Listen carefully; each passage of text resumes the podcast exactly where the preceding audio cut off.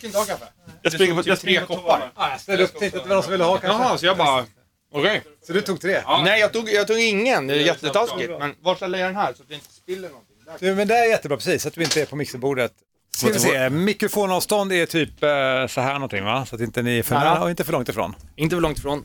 Och det är Bjarnestad, eller hur? Stämmer bra. Jajamän. Bjarnestad? Inte norskt. Det är påhittat norskt. Okej. Farfar heter så här Lennart Andersson. Född 1925.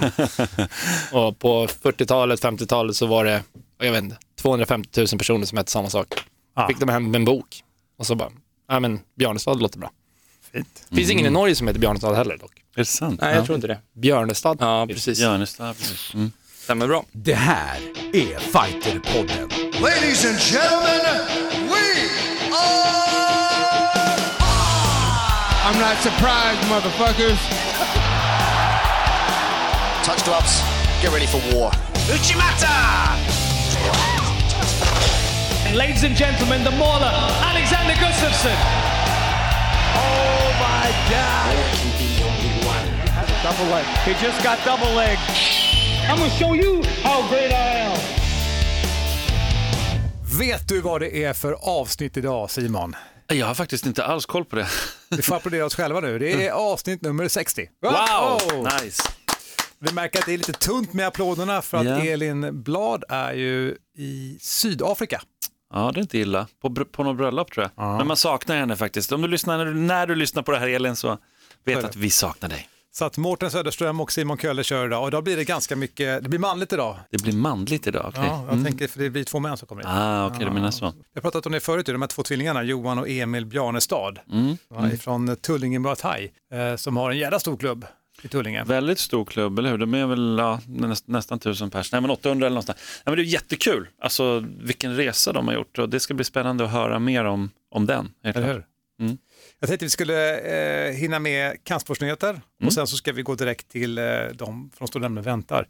Så det blir Mm. inte så mycket småsnack idag. Nej, men då struntar vi i det. Kör vi på det här. Yes.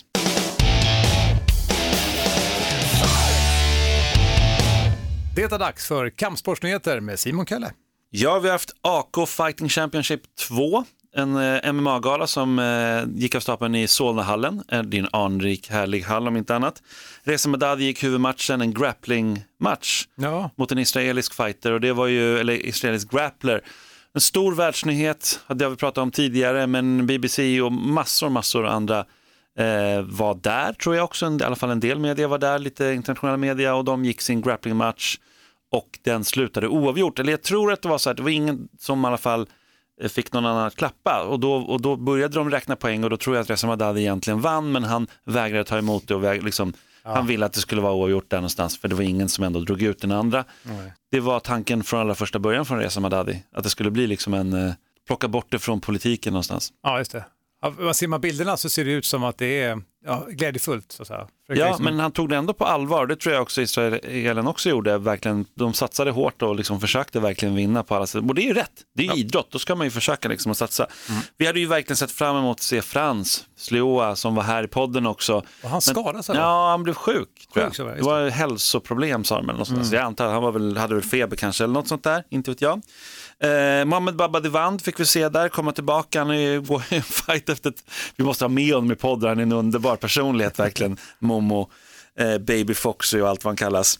30 sekunder gick det, tog det för honom eh, i första ronden och så vann han slog ut sin motståndare där och han har gått till 6-0 i record. Jag hoppas verkligen Momo fortsätter köra för han är verkligen en stor talang och oerhört charmig kille. Elin Öberg tyvärr förlorade, hon åkte på en förlust där. Hon förlorade fair and square på domslut. Sen hade vi Jonathan Westin, alltid kul att se honom i Sverige. Det är inte så jätteofta, han har ju varit i PFL och sådär och fightats.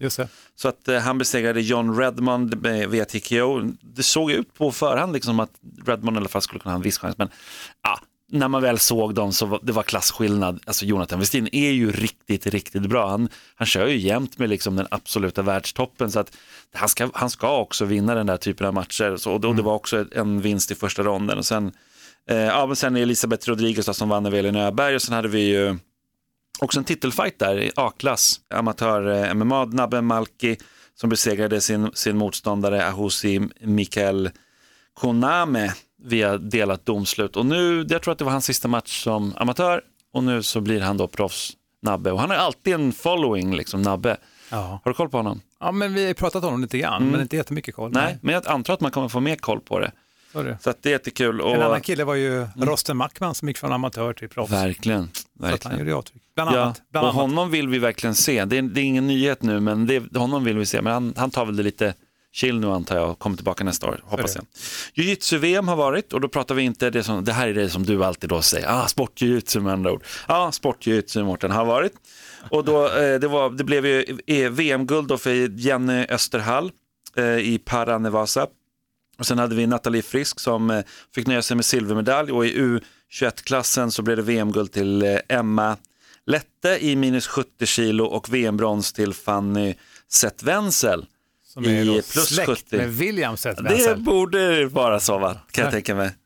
Sen har vi haft VM i MMA Mm. också i Bahrain. Där blev det två guld på damsidan. Vi hade Bezan eh, Momadi som, eh, och, som fightas för Allstars och sen även eh, Bianca Antman, också Allstars, Ja. som tog där. Sen hade vi tre stycken brons eh, i Frida Westermäki, Sandra eh, Meneses och Daniel Shamakalov.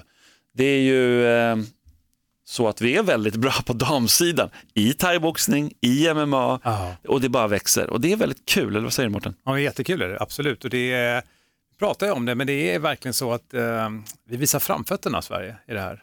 Det är kul. Ja men verkligen så är det ju. VM i thaiboxning har också varit, det har varit mycket VM nu här under den här hösten. Och där hade vi ju, vi slutade, det var i Minsk då, då var det fyra silver, fem brons för, för vår del. Väl, alltså, snöpligt när Sofia Olofsson och eh, Patricia Axling är med och de tar inte guld, man ville ju det liksom verkligen. Men på silversidan så hade, på silver då så hade vi Camilla Danielsson tog silver, Patricia Axling, Angela Mamic och Andreas Garacevic. På bron- bronssidan så var det Jessica Pettersson, Sofia Olofsson, Evin Ates och Emma Stonegård Abrahamsson och Joakim Westerberg Njai. De, så det är, alltså, vi är alltid där ändå, det är många medaljer alltså. Ja, verkligen. Det är, det är riktigt häftigt. Det är efter också en grym UFC-gala som gick av stapeln i New York. Jag hopp, kommer hoppa runt lite bland de här UFC-galorna. Vi har haft en i New York, en i Moskva, en i Brasilien. Ja. Och eh, har du sett alla tre? Jag har ju inte sett den sista, så tänkte jag bara nej, nu blir det ju spoiler alert, för då kommer du ta mig. Oj, okej. så Ja, det, nu Så har det ändå gått så pass lång tid Ja, så ja, det, kanske blir lite spoiler där. Okej. Men vi kan ju börja med den som var absolut bäst av de här tre galorna. Eh, och det var ju den i New York. Det var ju en riktigt grym gala, eller vad säger du? Ja, verkligen, vilket fight card. Alltså dels om vi börjar uppifrån då så var det ju Jorge Masvidal som möter Nate Diaz och tyvärr så stoppades den då på Mm. Men katten. det blir ju en rematch nu, eller hur?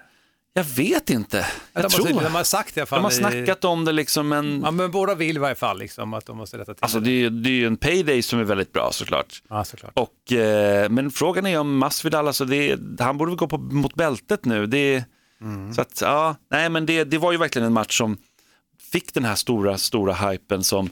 Se, senast vi hade någon sån var väl Israel Adesanyas match då mot Robert Whittaker. Det var väl den, men, men eh, det, det är väl, det kanske är den största galan vi har haft i år ändå, sådär på, på många olika sätt. Eh, ja, men på den galan så hade vi också Darren Till som eh, har gått upp, gick upp en viktklass eh, och gick en match mot Kevin Gastelum. Om jag tänker på Kevin Gastelum gick en sån hård och tuff match mot Israel Adesanya. Och eh, han förlorade mot eh, Darren Till, förvisso split decision, men det delade domslutet var ju bara märkligt. Det är så, de, ibland är det så skumma domare, det var ju liksom, Darren Till vann ju den där fighten, jag- vad säger du?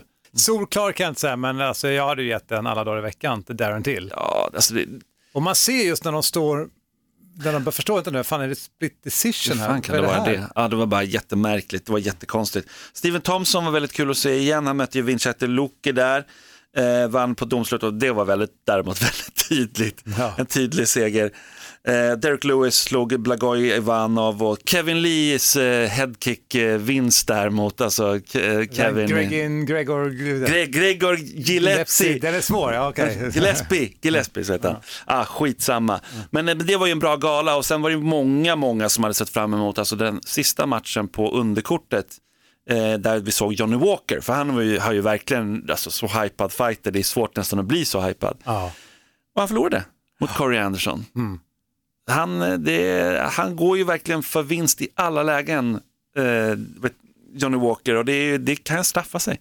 Och det straffade sig i I det den. här fallet gjorde du det ju. Ja. Och, och lite kanske för övertygad på sin egen kapacitet. Jo men så kan det ju verkligen vara. Sen eh, har vi ju då haft en eh, gala i Brasilien, men, då hoppar jag till den där istället som du har sett då. Mm. Den i Moskva som var ju en riktig snusfest tycker jag. Ja, jag tyckte det var skitdålig gala. var Så jag nämner bara den väldigt kort. Det var ju, det var, det var ju Sabit eh, Magomed Sharipov som eh, vann ganska så här, övertygande. Men det är ändå så här, jag vill ändå att han i huvudmatchen då, jag vill ändå att han ska avsluta sina motståndare också. Så jag var inte ens, jag var inte ens supernöjd över den matchen heller faktiskt. Jag vet inte. Men jag kanske bara var så färgad av hela galan som var så tråkig. Nej, men han är också, det får man jämförelse alltså med liksom Khabib va? Ja. Och då tänker jag att nu kommer det komma in en lika dominant fighter. Ja. Och han var ju långt ifrån det. Ja, nej, men han, är, han är ju extremt duktig teknisk striker och han är väldigt bra på backen och allting sådär. Och han kommer väl säkert komma superlångt, men, men det känns ändå som att det var inte... Oh, vill, jag man vill ändå inte- ha avsluten, det var liksom var lite så här, Håller med dig. Håller med dig. och, och, ja, nej, men tyvärr, Alexander eh, Volkov slog Greg Hardy där på den galan, inte heller världens häftigaste ma- match. Men sen hade vi Magomed Ankalaev på underkortets sista match. Ibland är ju de riktigt bra fighter. De, de har ju, satsar ju på det. Dana White har gått ut med det väldigt tydligt att de lägger en match där som absolut skulle kunna vara på huvudkortet. Och mycket riktigt, jag menar, den eh, frontkicken som han knockade honom med sin motståndare där var ju grymt snygg. Men utöver det, alltså nej. Nej, Det, det, för det, var, det var en dålig gala, men det är väl lite så. En bra gala, en dålig gala. Och det, ja tyvärr. Men, men tittar du på just de här två, om du tar New York kontra Moskva, så Ja. var ju hela fightcardet i New York, det var liksom outstanding från start. Ja. Så hade det blivit dåligt, då vet jag inte vad jag ska ta vägen. Nej, men då är det ju lite så här, då, då börjar man ju näst, då skulle vissa kanske börja ifrågasätta konceptet. Ja. Om jag får vara riktigt gammaldags då och dra, eller inte gammalt egentligen, men om man i, i UFCs historia så är det gammalt. Man tänker så här 2005 där någonstans när det började slå igenom så var, kom, minns jag en gala med And- Andrei Arlovski som har varit med i 100 år känns det som. Och det var så hypad, han skulle möta Tim Silver, jag kommer inte ihåg andra gången eller vad det var. Det var en sån riktig snusfest. Det var en så dålig Elin Blad, nu är inte hon här, men hon brukar alltid ta upp den där matchen också. Som var, verkligen så här, det fick, och jag kommer ihåg min dåvarande flickvän som hade verkligen börjat gilla att titta på UFC. Hon slutade kolla. Hon hade inte kollat, hon hade, jag tror inte hon har kollat en match efter det säkert. Ingen Ja, också den här överhypen och så blir det sån besvikelse. Ja men verkligen, det, det liksom, nej det håller inte. Men sen har vi haft en gala också i Brasilien då, en UFC-gala där. Jan Blaovic eh, som slog eh, Ronaldo Sosa, eller Jacare som han är mer känd som, på delat domslut. Ja, vad ska man säga, det, det är ju, frågan är om Jackares storhetstid är över. Det är lite så, Jack Hermansson slog, honom, slog Jan honom i en annan viktklass då och eh, det är tufft. Går man upp en viktklass och gör en sån match som Darren Till gjorde, då känns det som att ja, han hör hemma där. Jan Blaovic, han fortsätter vinna, men han är ju inte så jätterolig att se heller. Alltså. Det var alltså den här galan jag inte har sett nu, så ni förstår lyssnare. Ja, du kan inte Simon. säga jättemycket om det, men om du kommer, tänker tillbaka till när Alexander Gustafsson mötte Jan Blaovic i Tyskland, och det, Ja, ja. det var inte världens roligaste match, jag, menar, det, jag tror att Men han bjöd ju upp till motstånd. han bjuder alltid upp till motstånd. Jag menar, han, lyckades, han avslutade i lilla. Alltså, han är absolut en, han är en världsfighter, absolut. Men han har inte den här spektakulära stilen riktigt. Nej, just det. Så, och det, det, det är svårt. Sen fick vi ju se Shogun då, eh, Mauricio Rua, eh, slå Paul, Paul Craig på ett, och det hade jag, jag hade nästan lite så här förhoppningar, Paul Craig, skotte, ganska cool fighter. Hade lite så här förhoppningar och hade faktiskt lite tr- tro på honom. Eh, den matchen slutade i oavgjord. Eh, Ett draw. Ja, delad draw, till och med split draw. Och det, ja, det är ju, ah, det är inte så mycket att säga då, det är, Nej. det är synd. Man vill ju få till ett avgörande någonstans. Sen har Charles Oliveira som fortsätter vinna, han bara vinner och vinner och vinner och vinner. Och eh, nu var det en eh, knock som han vann mot Jared Gordon och det, ja, det känns som att han, han rör sig verkligen mot de riktigt, riktigt stora fighterna. Vilket det alltid är när man, när Men man han bara är väl vinner. tillbaka kan man säga. Ja, jag vet inte hur många, det borde jag förstås ha koll på, men det är väl 6-7 matcher i rad nu han har slagit och en av Tamer-bröderna och sådär. Så han, han är ju ja, super, super vass. Mm. Avslutningsvis då, så om vi tittar lite framåt, för det, det är ändå en del kvar under året och vi har ju en AK Fighting-gala, den tänker jag att vi kan prata om senare, den som är i Göteborg. Men sen har vi också Superior Challenge, det kommer vi också ha en chans att snacka om lite närmare på, men jag vill ändå säga för nu har matchkortet blivit klart. Japp. Och vi har ju Nico Musoki i huvudmatchen där möter eh, Marcelo Alfaya, en amerikan, 18-10 rekord. Och det har varit supersvårt för Babak Ashti att hitta en motståndare till Nico. Tydligen så har han snackat med 40 olika fighters. Och, Som inte vill möta Nico. Det har varit olika anledningar och massa problem och 17 stycken av dem har liksom varit på gång men sen hoppat, gud, vad hoppat av. tjatigt. 17 Ah. fighters. Och han var väldigt nära på att få Joe Riggs, jag vet inte, Diesel, han- det är en gammal UFC-fighter som Okej. fortfarande är väldigt farlig. Och få honom att få liksom ett namn, ett UFC-namn. För det är det framförallt Babak har tittat på. Han har tittat på gamla Bellator-fighters och tittat på UFC-fighters och försökt få någon sån veteran att möta Nico. Nico vill ju tillbaka till UFC.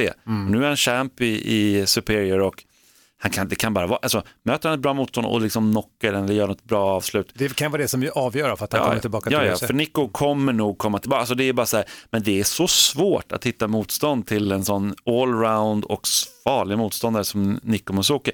Men man kan också tänka, om man själv vill in i UFC då, nu har inte Babak tittat så mycket på just den typen av fighters, men om man själv är tillbaka, ja, då behöver man ju också slå en sån som Nico, så att det borde ju kunna spåra, men ja, vi får se.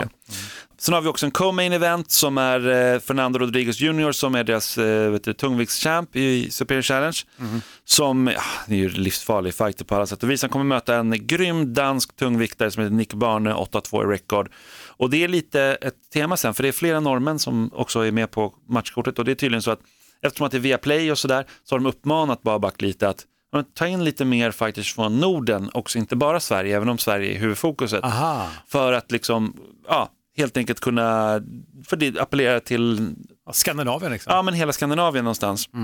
Vi får se Martin Hamlet, grym brottare, han är 5-1 i record nu, möter en, ja jag vet inte, en, inte en journeyman riktigt sådär, men en tydligen rätt allround 14-10 record kille, Prince, en kille som heter Prince och det är, Bara det, bara det, bara det, en fransman. Det var Kenneth Berg och han har ju, väldigt, han har ju verkligen så här following. Han är 7-0 i record, norrman som tränat med, med Jack Hermansson bland annat.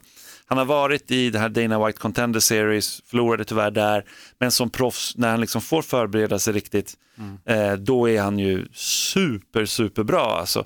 Sen är han ju, jag, du kanske känner igen honom om du ser honom, för han är ju tatuerad alltså, från topp till tå verkligen. Och, har, eh, ja, men han har verkligen en following och ser verkligen ut som en gammal, alltså inte gammal nu i ålder, men som en sån där nid, nidbild eller urtyp av att vara en grym fighter på alla sätt och vis. Ja, kul. Så, att, så honom ska det bli riktigt kul att se. Sen är det Michel Ersoy som vi får se igen. Vi får se. Sen har vi den här, ska inte prata om alla matcher på det kortet, men vi har ju en så här hatmatch. Och Västerås mot Gävle fight där. Då kommer vi få se Adam Westlund mot Robin Roos. Och där, de har ju försökt, jag tror att det är, tre, det här är tredje gången som de har ställt in varsin gång. Och nu så ska de försöka och det är ju Adam Westlund, alltså han är ju 2-0 i, i record som proffs och han är ju, han är ju lite så här, många drar liknelser till Diaz-bröderna. Han örfilar fighters, gör hammarslag fast han är st- stående. Det är liksom, han, är, han är en skön fighter på väldigt många olika sätt. Skön stil, man märker att han njuter av att fightas. Och Robin Roos, men han hade ju en bra, verkligen bra amatörkarriär.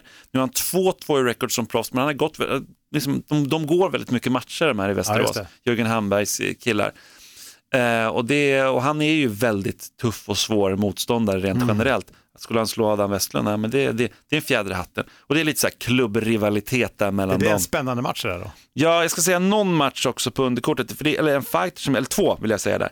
Eller, ja, jag skulle vilja prata om hela kortet nästan. Men vi har ju Bartosz Wojciechowicz och han är ju, väldigt, han är ju obesegrad. Eh, tillhör Forza Fighting som ligger i Solna. Han är en riktigt vass fighter alltså, verkligen. Det är kul att se. Jag hoppas att man verkligen matchar honom tuffare och tuffare nu, vilket man måste göra förstås med en obesegrad fighter. Så det där det blir riktigt spännande att se honom. Serdar Altas som var VM-mästare. Nu drar du hela kortet där. jag vill dra hela kortet. Malin Hermansson får vi se. Hon har ju varit en liten vända i Bellator. Hon har varit runt ganska mycket. Eh, hon har faktiskt på Superior förut. Hon var ju där och mötte Gabriella Ringblom Just det. som tyvärr inte fightas längre. Hon kommer gå en tuff fight där som eh, jag tror att Babak och även andra säger kan vara den bästa damfighten de har haft någonsin. Så att det, är- det är väl tufft för det, de har haft Superior Panikia, de har haft- Challenge. de har haft Panikia Ansad och, och sån Lina Länsberg. Så att, att säga den grejen, det är väldigt stort faktiskt. Och sen har jag, det är bara två fighter kvar, sen har jag nämnt alla, men jag kan i alla fall nämna en till då. Irman Smajic, han är alltid skön att se och underbar eh, världsmästare, dubbel världsmästare i tungvikt i MMA och nu är han obesegrad, han har inte gått jättemånga matcher, men två tror jag. Eh, så det ska bli jättekul. Nu känns det som att jag måste nästan nämna en till där, som att det bara är en fight till. Så, för Morad Moreno kommer också gå en eh, match mot en norrman som heter Gard Olve Sagen. Om du inte kan alla namn som nu Simon har dratt så kommer du kunna se dem alltså på Sorry. Superior Challenge. Så det ju. Du, det var Swedish Open i BJ ska jag Ja, säga. det, vet ju du mer än mig om. Så Nej, jag men kort om det, här, för vi har två bröder här, Ja. Johan och Emil Bjarnestad som kommer alldeles strax. Nej, men den var ju helgen i Stenungsund och det var alltså tävlingsdeltagarrekord. Wow. 1043 någonstans anmälda. Ja, det. Mm. var galet. I Sundahallen i Stenungsund. 14 året i rad. wow. Men var det du som startade hela grejen? Nej, det var det inte. Så Nej, är kom igen, ta åt dig nu. Du nej. är ordförande. Jag är ordförande i föreningen, men det är Martin Jansson som ska ha all cred. Ja. Som, eh, som är som sagt huvudtränare i klubben. Och, eh, det är fantastiskt och det, det är lite bisarrt för att det är så hög nivå också Wow. nu på fighterna. Eh, till och med så att man har flugit in då en, eh, en kille som heter Italo, en, en brasse, som är verkligen upcoming i 20-årsåldern, som liksom fått ge extra motstånd i svart bälte.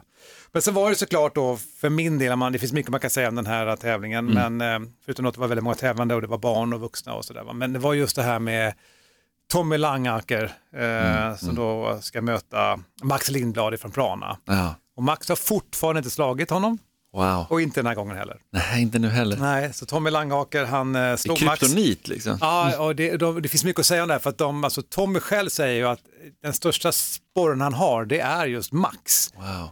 Att han ska slå honom. Och ska man säga, Tommy är alltså liksom på världsnivå, precis som Max är. Och Max är ju helt frustrerad men har liksom fått ett nytt förhållningssätt kring det här. Liksom, att han kommer ju en dag liksom knäcka koden på hur han ska kunna vinna mot Tommy Langaker. Eh, Så det var jättekul att se. Eh, Han, tyvärr drog faktiskt eh, Tommy foten på Max. Att han, jo, det var eh, lite, han haltade rätt rejält där. Eh, Men vet du, alltså, blev det ett brott? Eller Nej, det var det inte. Han hade nog, han har lite trasiga fötter Max. Så det var, så att, men det slutade med det så att han fick liksom klappa ut där. Då. Och sen så den här Etalo då, han kom faktiskt tvåa och förlorade mot Max. Men Max hade ju aldrig mött honom förut. Det är lite kul att se. I någon öppen klass? Eller Ja, exakt, i öppen klass då. Precis. Det finns mycket att säga, men det var en eh, jättekul eh, tävling. Vill du se det här så finns faktiskt alla matcherna och alla mattorna kan du kolla på eh, via Smoothcomp eller så kan du gå in på Fighter TV. Där ligger både lördagen och söndagen eh, alla kommenteringarna på eh, svartbältsmatcherna och öppen lila och öppen brun som jag och Hans Wiklund med flera kommenterar. Vad roligt. Vi har pratat om det här Fighter TV tidigare några gånger. Men berätta lite, alltså, hur har det gått då senaste tiden? För nu var det ett tag sedan vi bubblade om Ja, eh, men det går Fighter bra. TV. Det kommer ju upp nya matcher och, liksom, och nya fighter hela tiden. Så där går man in och eh, anmäler sig. Och så kan man köpa ett abonnemang skulle jag ha gjort. En prenumeration, det kostar 99 spänn i månaden. Då får du se allt liksom. Eller så kan du gå in och kolla specifika matcher och sånt där. Men det, det roliga där tycker jag, det är ju ja, dels att se grejer då självklart när de sker och sådär, när det är nyligen. Men det är också att kunna se arkiv. Alltså, arkiv. Ja, alltså, kul. Just av svenska grejer, alltså, det är ju så här, det går inte att hitta någon annanstans Nej, i nej, stort nej. sett. Det är så här, ja, men en och annan grej finns på YouTube. Men det är rätt mycket ändå som inte finns, Mm. som man verkligen kan hitta där. Så att jag uppmanar också alla att verkligen gå dit. Precis, på Fighter TV. Du Simon, Mm. vi ska eh, faktiskt eh, om en stund också prata med eh, Peder Finnsjö som har Kampsportsfestivalen. Mm. Men nu ska vi prata med två killar ifrån Tullinge.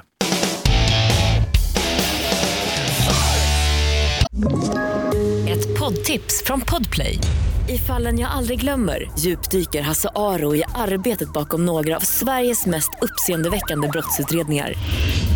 Går vi in med hemlig telefonavlyssning och, och då upplever vi att vi får en total förändring av hans beteende. Vad är det som händer nu? Vem är det som läcker?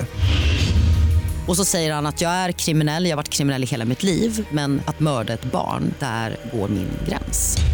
Nya säsongen av Fallen jag aldrig glömmer på Podplay.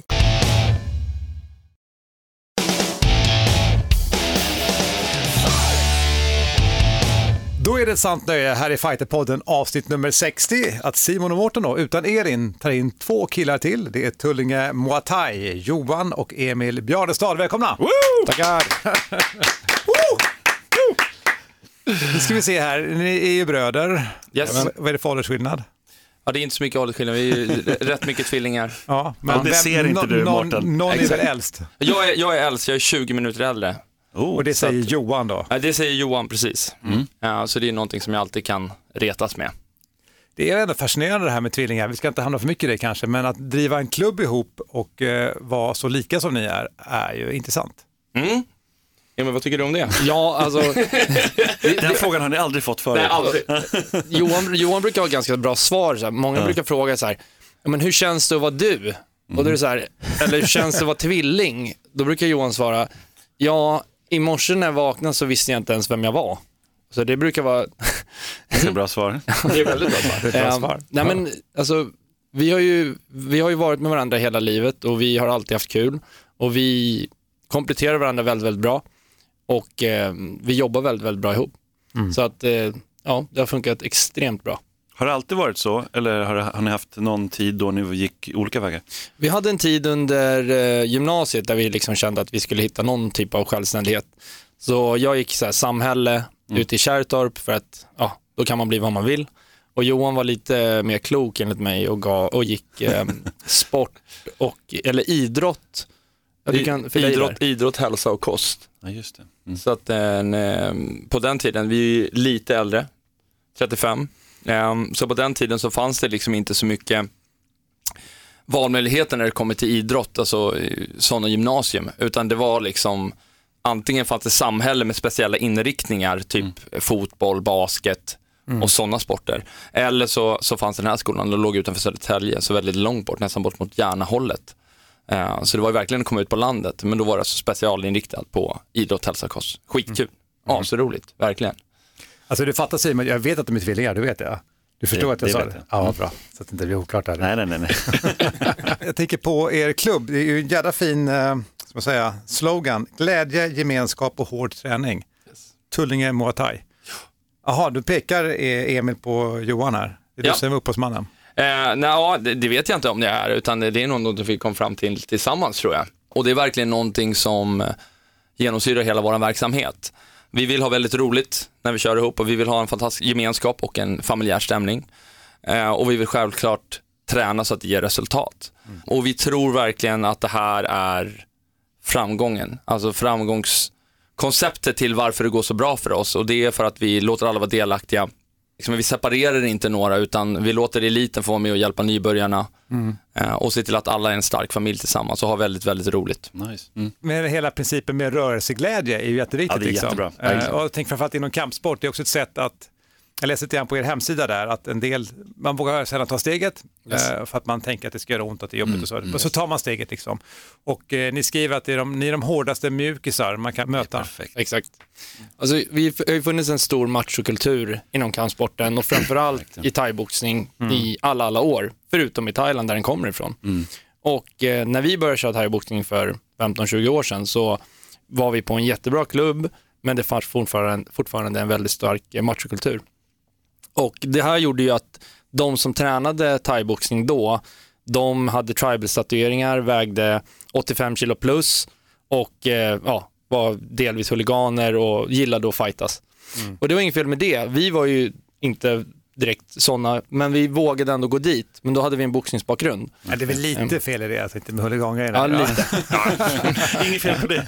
Men, men det, det var liksom hela grundkonceptet när vi startade TMT, som man då säger i folkmun, tänkte jag säga. Eh, Det var att om vi kan skapa en värdegrund med glädje, gemenskap och hård träning, för att alla kan träna hårt, det är inte speciellt svårt, det är bara gör burpees i 30 minuter eller vad som helst.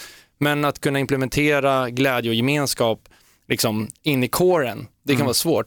Speciellt om vi kommer personer med diagnoser eller det kommer personer som inte kan prata svenska eller det kommer en eh, ung tjej på 13 år med ätstörningar. Då, så här, då måste man ha verktyg och man måste verkligen bygga upp en jätte, jättestark värdegrund för att det ska kunna fästa. Och det börjar ju liksom med första mötet. Att man, eller att vi liksom eh, är väldigt, väldigt öppna och vi skojar och vi liksom är lite tramsiga. Men sen så när det väl gäller så är det svinseriöst.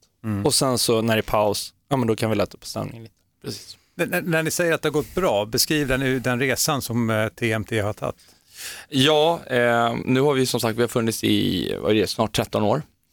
Eh, och vi började i en liten lokal eh, utanför Tullinge centrum där vi hade ungefär 40 kvadrat.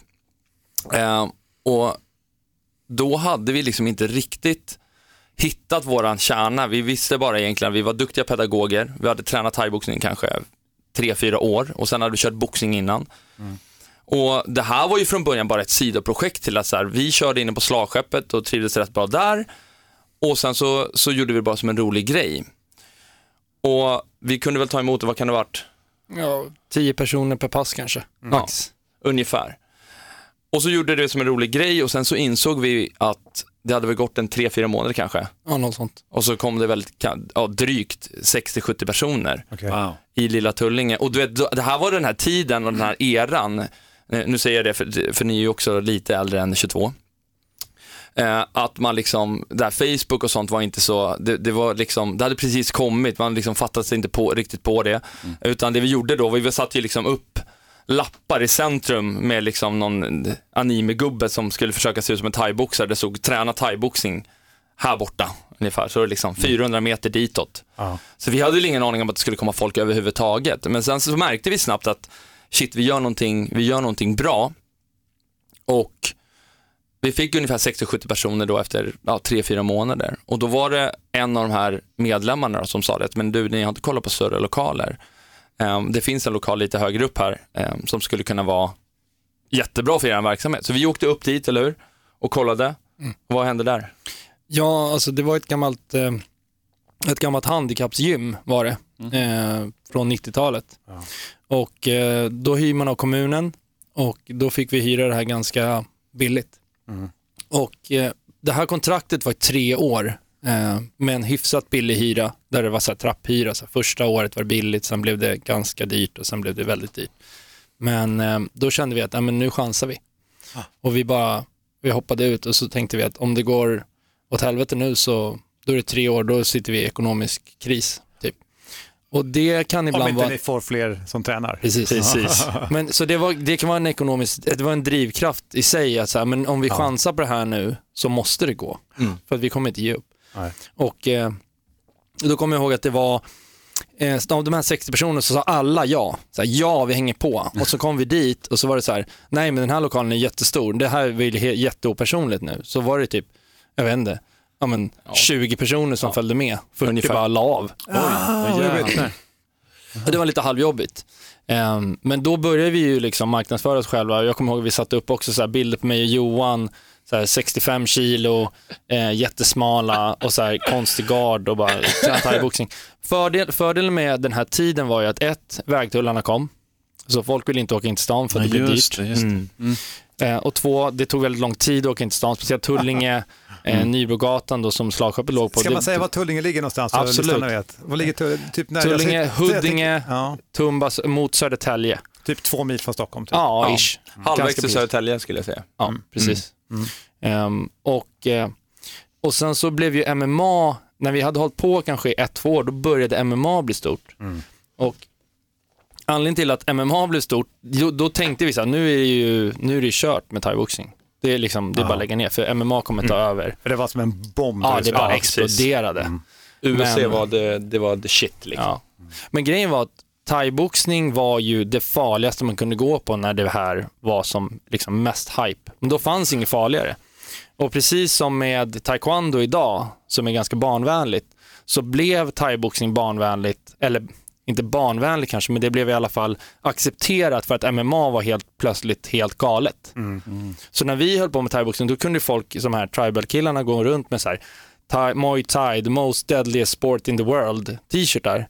Och sen när MMA började, så delvis så flyttade då machokulturen från ett ställe till ett annat, Ja. vilket underlättade för oss. Men sen blev MMA den här äh, ehm, stället där föräldrarna sa så här, du får gå på allt men inte på det. Just det. Exakt. Så. Ja, ja men verkligen. Eh, och sen, då, ja, precis som du säger, då hoppade vi ut den här, liksom, slängde oss ur planet typ. Eh, och sen så tänkte vi att liksom, vi kör på, vi, vi matar på, vi kör våran grej. Och sen får vi se vad det blir av det. Och sen märkte vi väl att det gick väl kanske något år eller två och så var vi väl uppåt 100 medlemmar Ja, något sånt. däromkring. Ja. Sen började vi få fram fighters då. Vi började liksom satsa väldigt mycket på fighters. Och så tog det några år och sen var vi uppåt 200 medlemmar, kommer jag ihåg, efter typ tre år. Och så tänkte vi att okej, nu börjar vi hitta våran grej. Vi börjar hitta vad våran nisch är. Vi, vi märker liksom att vill vi få alla de här människorna, att, bö- vill vi få fler människor att börja hos oss så behöver vi hitta vad våran grej är. Och det tog några år. Vi, hade väl typ så fyra extra jobb var, jobbade hela tiden Ja. och kände så här, shit det här är det vi brinner för, det här är det vi tycker är roligt, det här våran glädje inifrån kommer liksom. Så vi började satsa jättemycket ehm, och lägga ner all, all, all vår tid till att få det här att fungera. Och det var väl ungefär fem år in när vi hade haft TMT ungefär. Ja, något sånt. Som vi började, började liksom kunna leva på det. Då var vi väl uppåt 400 personer ungefär som tränade hos oss. Ja. Och Skulle jag när, säga. och när är det? Så att ni har varit igång i... Vi har varit igång i 13 år i januari. Ja, Så att, så eh, Ni har, levt, ni har 2012. levt på klubben liksom och heltid med Ja. det här de sista åtta åren typ? Ja, Mm. Ja. exakt. Precis. Och idag är vi ju 800 medlemmar, största klubben i Stockholm. Det är otroligt. Eh, Det är jättebra. Och det, noteringen är ju liksom att vår lokal är fortfarande bara 200 kvadratmeter. Vi har kvar samma lokal som vi hade där Ja. för, för liksom... Som var en jättelokal när ni gick Ja, från 40 kvadrat. Exakt, ja, exakt. Exakt. Men, men det är intressant att höra i historia, jag tänker också på kampsportsutvecklingen, eh, inte bara i Sverige utan globalt. Mm. För det är också parallellt så är ju så att kampsport har ju blivit accepterat på ett sätt. Yes. Och MMA som du säger så var stenhård. Det finns fortfarande absolut mycket matcher i den kulturen. Absolut. Men tittar du på sport, MMA idag så finns det ju en liksom helt annan attityd. Absolut. Med många förgångs, alltså jag tänker liksom från George St. Pierre, de här, så det är riktiga gentlemän och det, har- det har gjort att gemene man idag, eller Mall till exempel också, Ja, så det, absolut. det är inte den här gamla bilden av Nej. hur en kampsport ska Så ni har ju haft, så att säga, ni har legat i synk Absolut. med en nästan global rörelse kring kampsport. Ja, Verkligen. helt Och sen, sen blev det ju inte så att det var enorma massor som började träna MMA heller, Nej. som alla trodde att det skulle bli. Nej, Det, exakt. är, det är bara några Stämmer. tusen faktiskt i hela, hela Sverige. Ja. Så att, eh, det är inte supermånga ändå. Nej, det- och jag tror att just alltså MMA som motionsform är svårare um, än till exempel thaiboxning. Och, Ja. Ja, men på MMA-klubbar så tränar ganska mycket folk, men de kanske inte alltid tränar MMA heller. Det är Nej, lite nej, så. exakt. Tänk bara på Allstars morgonpass, liksom. det är inte så jättemycket MMA där. Liksom. Det, Nej. är, ja, det är lite kampsportsfitness liksom, eller något Mm. sånt. Och så är det nog på ganska många ställen. Så jättemycket och där, jag vet inte om vi kanske sticker ut lite där, för vi kör ju liksom bara thaiboxning. Mm. Och, och har skapat eh, ett sånt stort, ja jag vet inte, alltså förening och klubb med eh, så extremt mycket människor där alla liksom känner sig välkomna, där alla känner att de längtar tillbaka ehm, och där alla egentligen känner att det är som ett andra hem för dem, vilket är fantastiskt. Jätte, jättehärlig känsla. Och sen, och sen tog det ju som sagt fem år innan den här värdegrunden kunde liksom fästa. I början så var det bara att vi, vi det var glädjegemenskap och hård träning, men det var mest hård träning. Ja. Så då var det mer så här, om man åker ut till Tullinge så blir det stenhårt. Men det blev ju inte speciellt hälsosamt och sunt. Eh, jag kommer ihåg vid någon eh, nybörjarkurs 2009 så hade vi så här 42 nybörjare och 25 som var kvar efter passet. Så 17 som bara, bara spydde och drog liksom. Och det blev inte lönsamt. Så då började man liksom börja tänka så, okay, men om glädje och gemenskap ska vara med här eh, och hårda träning tar över, då försvinner de två första elementen. Så om vi, om vi liksom tänker om lite här och, och gör det hårdare på högre nivåer, då funkar det. Precis. Det finns någon sån här data, jag vet inte om den stämmer kanske exakt globalt, men det var någon som sa det att om, de som är intresserade av kampsport, det här är liksom det här globala Mm, siffror, yes, liksom, yes. så gör man i snitt 2,1 kampsporter, för det blir det i snitt så här, och du, typ en, ett och ett halvt år. Det är den tiden du lägger. Mm, Och och det är ett tecken på att du kanske provar en kampsport, går till en annan, men du har Yes. en bild av att du vill göra kampsport, men många historiskt sett då tycker att det gjorde för ont, det var inte som du hade tänkt dig, för det Nej. är inte en enkel resa. Nej. Eh, Men vill du tävla idag eller träna hårt så kan man välja det. Vill du ha det som motionsform så kan du till och med gå till Sats. För där Ja, kan du, ja, absolut. Så kan du slå på plattor där också. Liksom. Absolut. Så, det gör ju, så ni har ju, än en gång, så ligger ni i linje med att, att kunna välja. Jag förstår att ni har ju från barn, hur- vad är de yngsta? Fyra. Precis. Från, från fyra. Fyra, fyra till sex år i vår yngsta grupp och det är väl 40 personer per pass kanske. På Men vad tränar ni med de barnen då? Det är väl mest liksom gymnastik? Kullerbyttor och sånt Ja, där. Ja, men typ, det blir ju mer, det blir ju mer eh, lek och skoj med, eh, försö- vi, ja, vi försöker tänka så här att, okej, men om vi kör en, ett, ett renodlat thaiboxningspass för fyraåringar, det hör ni själva, det är helt omöjligt. Det kommer inte gå. De, liksom, när jag säger till folk att de ska springa runt i en cirkel, eh, liksom, då springer de runt på stället i en cirkel. Det är liksom på den nivån.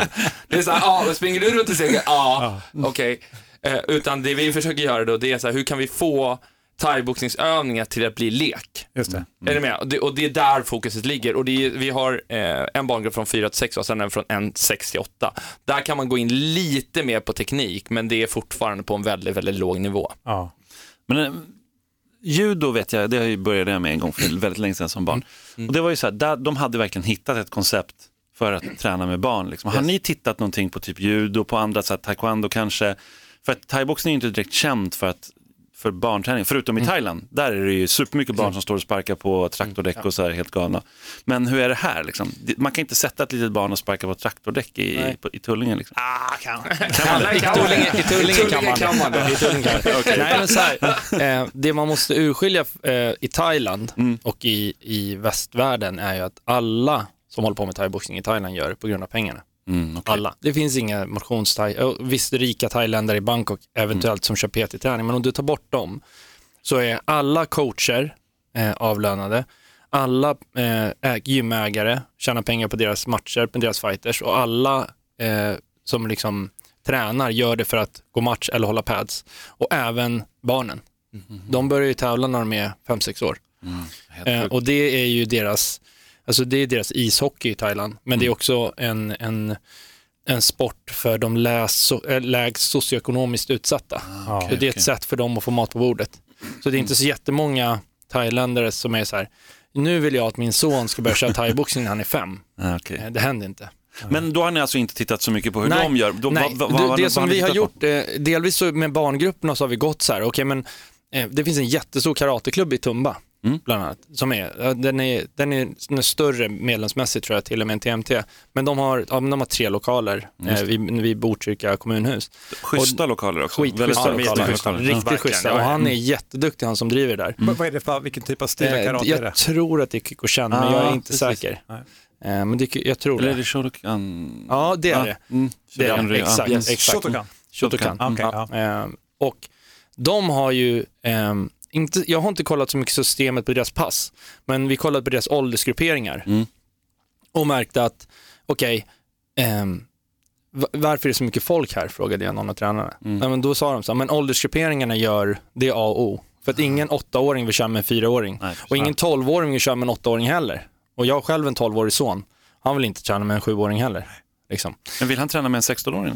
då? Eh, nej, Okej. Eh, Så vi har ju, vi har ju alltså två års åldersspann upp till, eh, nu har vi lite nya nyheter som vi kan ta sen, men upp till 15 så är det två års Det där är helt rätt. Jag har ju tränat barn i vill säga 8-9 år och det var precis det som var bekymret att så att säga, om det var för få så blev det de som började närma sig tonåren. Yes. Att- Och det är bara att gå tillbaka till sig själv, man var 13 år, det var ju någon som var 11, vad som händer?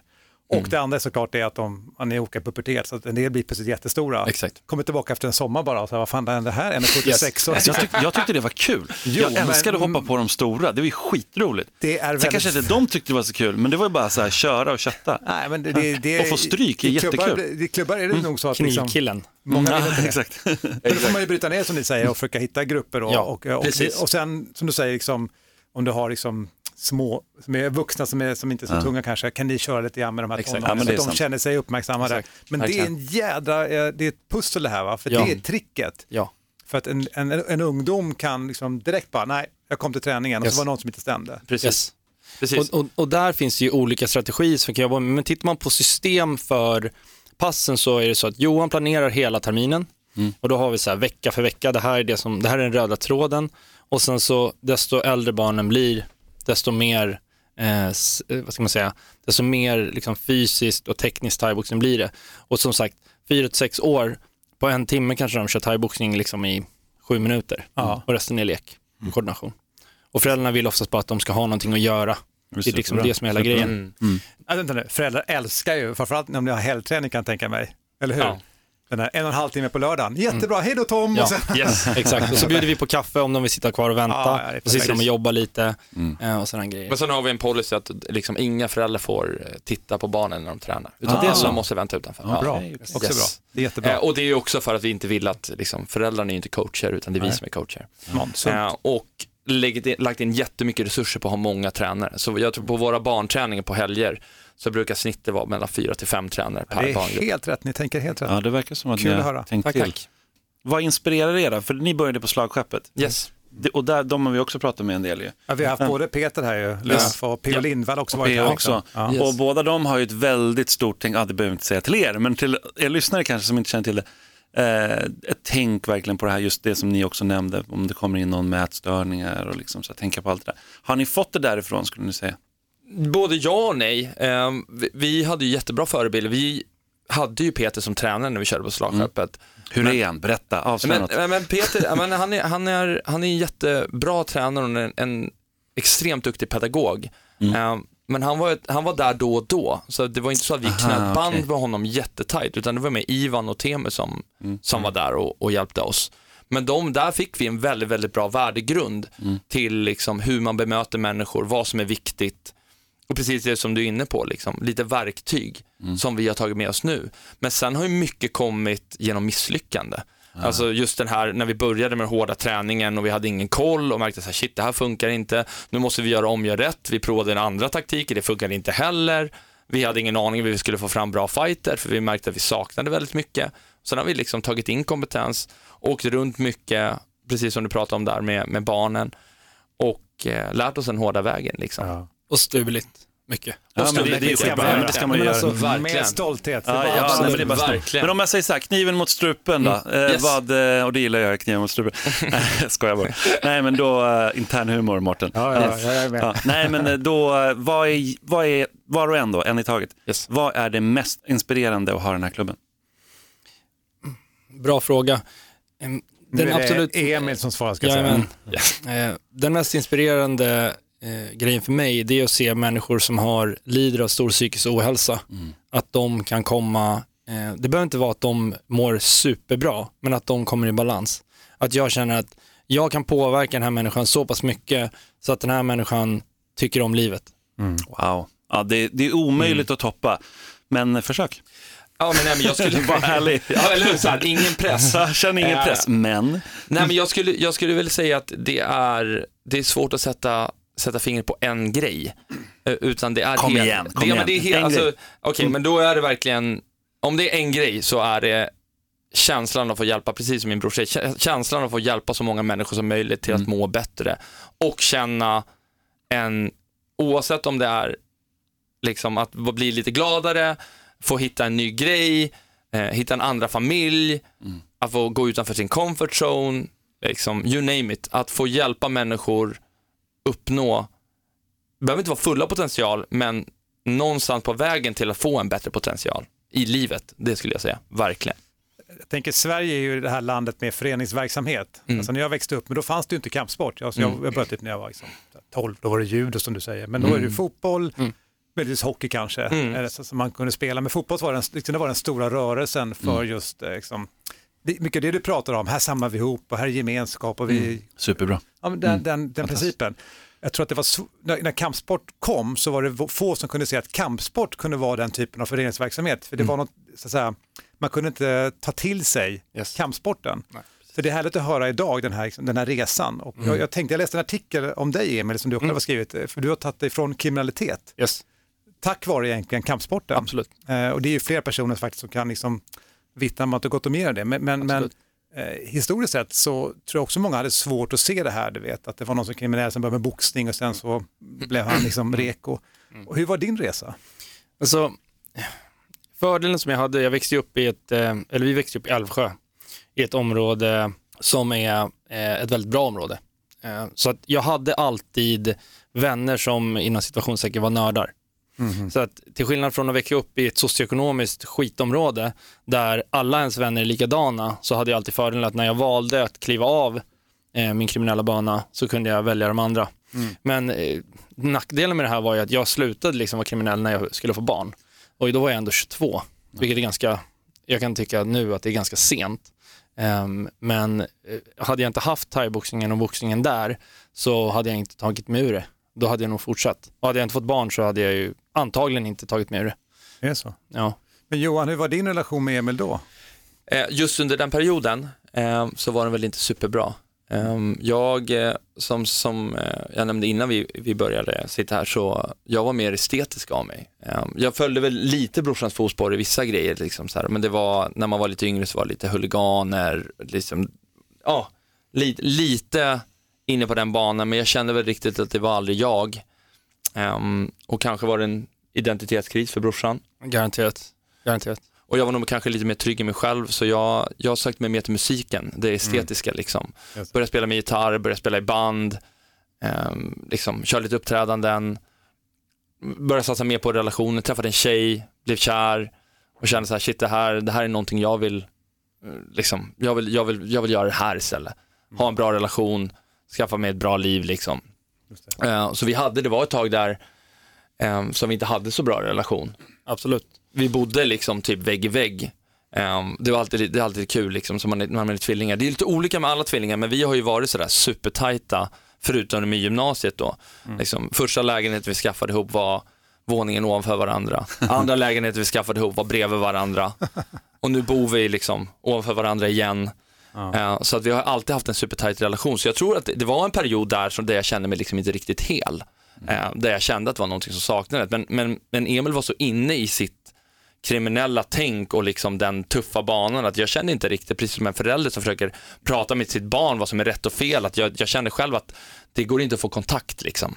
Jag, jag kan inte ringa brorsan och bara liksom Nej. hänga, utan han, är, han, är liksom, han åkte fram och tillbaka till liksom Kristianstad för att liksom typ göra en vapenaffär. Liksom. Och, och jag var hemma och liksom satt med gitarren, så det var väldigt stora kontraster.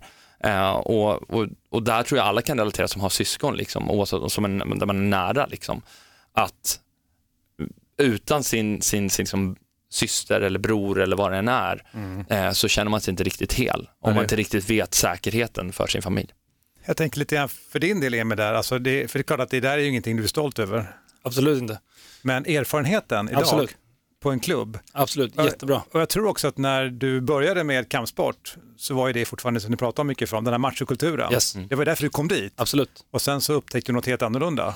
Du hittade dig själv kanske, eller vad man nu gör för någonting. Absolut. Så upptäcker man att jag behöver inte vara kriminell för att liksom vara tuff. Yes, exakt. Eh, Och som sagt, erfarenheten idag att se ungdomar som kommer till er, som kanske kommer exakt samma resa som kommer till Tullinge Muay Thai Mm. och tänker att de ska bli ännu tuffare och så plötsligt så bara identifierar ni det och säger hörru, Exakt så.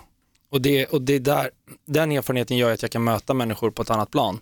Så här, men du vet inte vad jag går igenom, men kan du inte berätta vad du går igenom? Ja, men okej, så berättar de.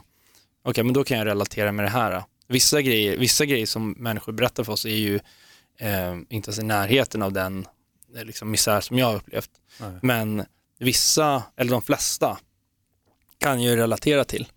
Och där, där, där känner de sig sedda. Därför att de kan inte prata, jag kan inte prata med mina föräldrar om det som jag höll på med, för jag skämdes ju delvis. Men delvis så eh, försökte jag hitta mig själv och jag, jag, jag ville bli omtyckt och jag ville liksom få tjejer och jag liksom ville ha status, jag ville ha pengar och jag ville liksom vara, vara accepterad. Mm. Eh, yes.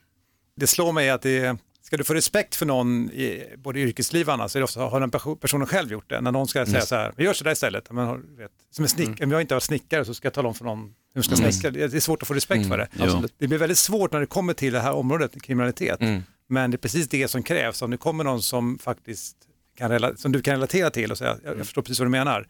Ja, hur då? Jo, för att jag har gjort det här. Då är ju det väldigt viktigt.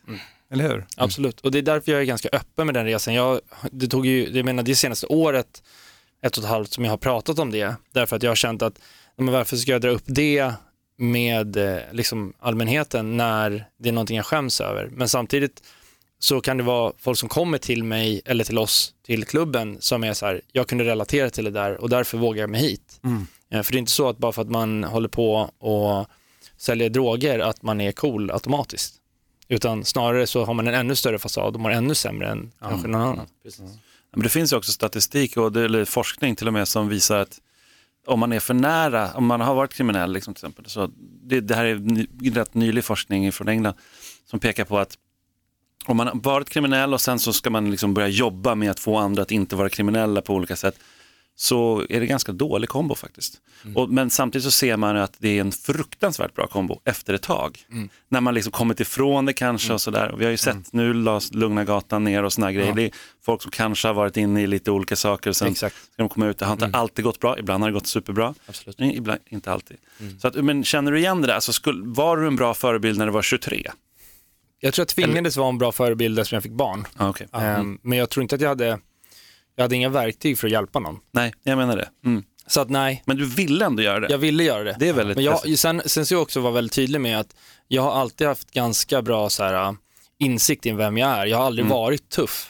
Alltså, Ja, okej. och aldrig, jag har påstått mig vara det eh, väldigt många gånger och så här, gjort vissa dumma grejer men jag har aldrig så här, gjort så dumma grejer som jag vet att jag kommer få ångra hela livet.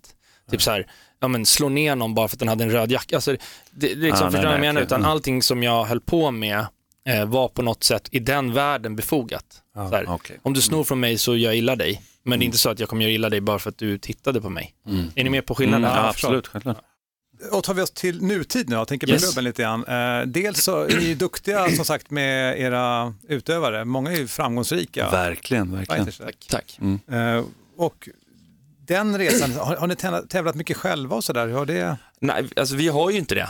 Vi har ju inte tävlat så himla mycket själva. Vi har väl gått eh, liksom ett tiotal lite mer eh, matcher eh, och inte på så här superhög nivå. Vet, varken jag eller Emil har ju vunnit något SM-guld eller varit med i VM eller landslaget utan vi, vi gick en del matcher och sen så insåg vi båda liksom att fan, vi tycker nog det är roligare att hjälpa andra än att, än att tävla själva. Och det kanske också blir det för att det blir den här pressen, alltså indirekt, liksom, om jag pratar verkligen från hjärtat, att, att det blir väldigt mycket press till att ha en egen klubb. Du ska elitsatsa själv samtidigt som du ska lägga ner minst lika mycket tid på att träna alla andra och samtidigt Ja. driva en stor verksamhet. Jag tror att för båda att det blev lite för mycket och lite för mycket press att det liksom, det gick inte ihop. Den matten, den, den klingade inte alls. Och då bestämde vi oss att, men då, då satsar vi på våra, våra medlemmar istället. Och tar fram de som verkligen känner att det vore kul att gå matcher. Stort, jag tycker det är bra. Men det låter också som att, för jag vet att många, för, förr liksom i klubbar var det ju mycket så här, att nästan, lite överdrivet, men det var nästan som sekter. Liksom. Yes. Det fanns en mästare som ingen kunde slå, ibland var det fake bullshit då också. Där. Ja. Så, och ibland var, det på, ibland var det faktiskt någon som var riktigt grym. Så. Och, och det blir liksom en, det, det är så där man ska göra i alla lägen. Jag tror att ni då, er väg, som ni, det som jag läser in här är att ni har då som verkligen valt att satsa på att lä, bli bäst på att lära ut. Och då är det inte alltid så här, då behöver ni inte hävda er så jäkla mycket kanske Exakt. heller. Nej. Och så här visa att, ja men, eh, det är men lyssna på mig för jag har ju vunnit VM. Det är inte som att någon säger så kanske på en annan Absolut. klubb, Nej. men det är indirekt så. Absolut. Precis. Man lyssnar på det, han vann ju VM-guld för tio år sedan. Liksom. Precis. Men det är inte nödvändigtvis så att man är den bästa tränaren för Absolut Nej. inte. Och idag så ser vi ju många klubbar som, eller många klubbar, men en del klubbar som har tränare som aldrig har tävlat. Exakt. Som är jätte, jätteduktiga. Jag vet Göteborgs Muay Thai-tränare Johan Risberg, de har ju fått hur många SM-guld som helst. Han har aldrig gått en match. Fast jag tycker det här faktiskt är nyckeln i det som en kanske en gång till den var budo, inte tillbaka till samurajerna, för då ska man ju typ fighta sist, då ska man utmana, men att du bedömer tränarens så att säga, förmåga, kunskap utifrån eleven. Yes. Förstår du? Absolut. Och om det kommer ut duktiga, eh, framgångsrika elever som Yes. både uppför sig och är duktiga, så säga, då, då är det ett resultat av tränaren. Det är det som är resultatet. Det är ganska ointressant då om den här tränaren har liksom vunnit 19 SM-guld. Det är inte viktigt. Nej. Utan eleverna. Och som sagt, era elever har ju tagit jättefina... Ja, Absolut, verkligen. verkligen. Ja, men det är samma sak inom MMA. Så här, men Greg Jackson anses vara en av världens bästa tränare och han har inte gått en enda MMA-match. Så det är Exakt. lite så här, och det är, men han är en otrolig nörd. Liksom. Är ni nördar, alltså kampsportsnördar? Nej, alltså vi, inte thai, alltså vi älskar ju thaiboxning och kickboxing, men det är inte så att vi nördar ner oss och vet varenda thai-ländares namn och lumpini champs. Kan ni thai- thailändska? Nej, Nej. ingenting. Väldigt, väldigt, Väldigt lite. Och vi är ändå i Thailand tre gånger om året. Okej. det, Typ ungefär lika mycket som du kan säga, jag vill ha en öl på spanska. Ja, typ den graden. Tyvärr. Tyvärr.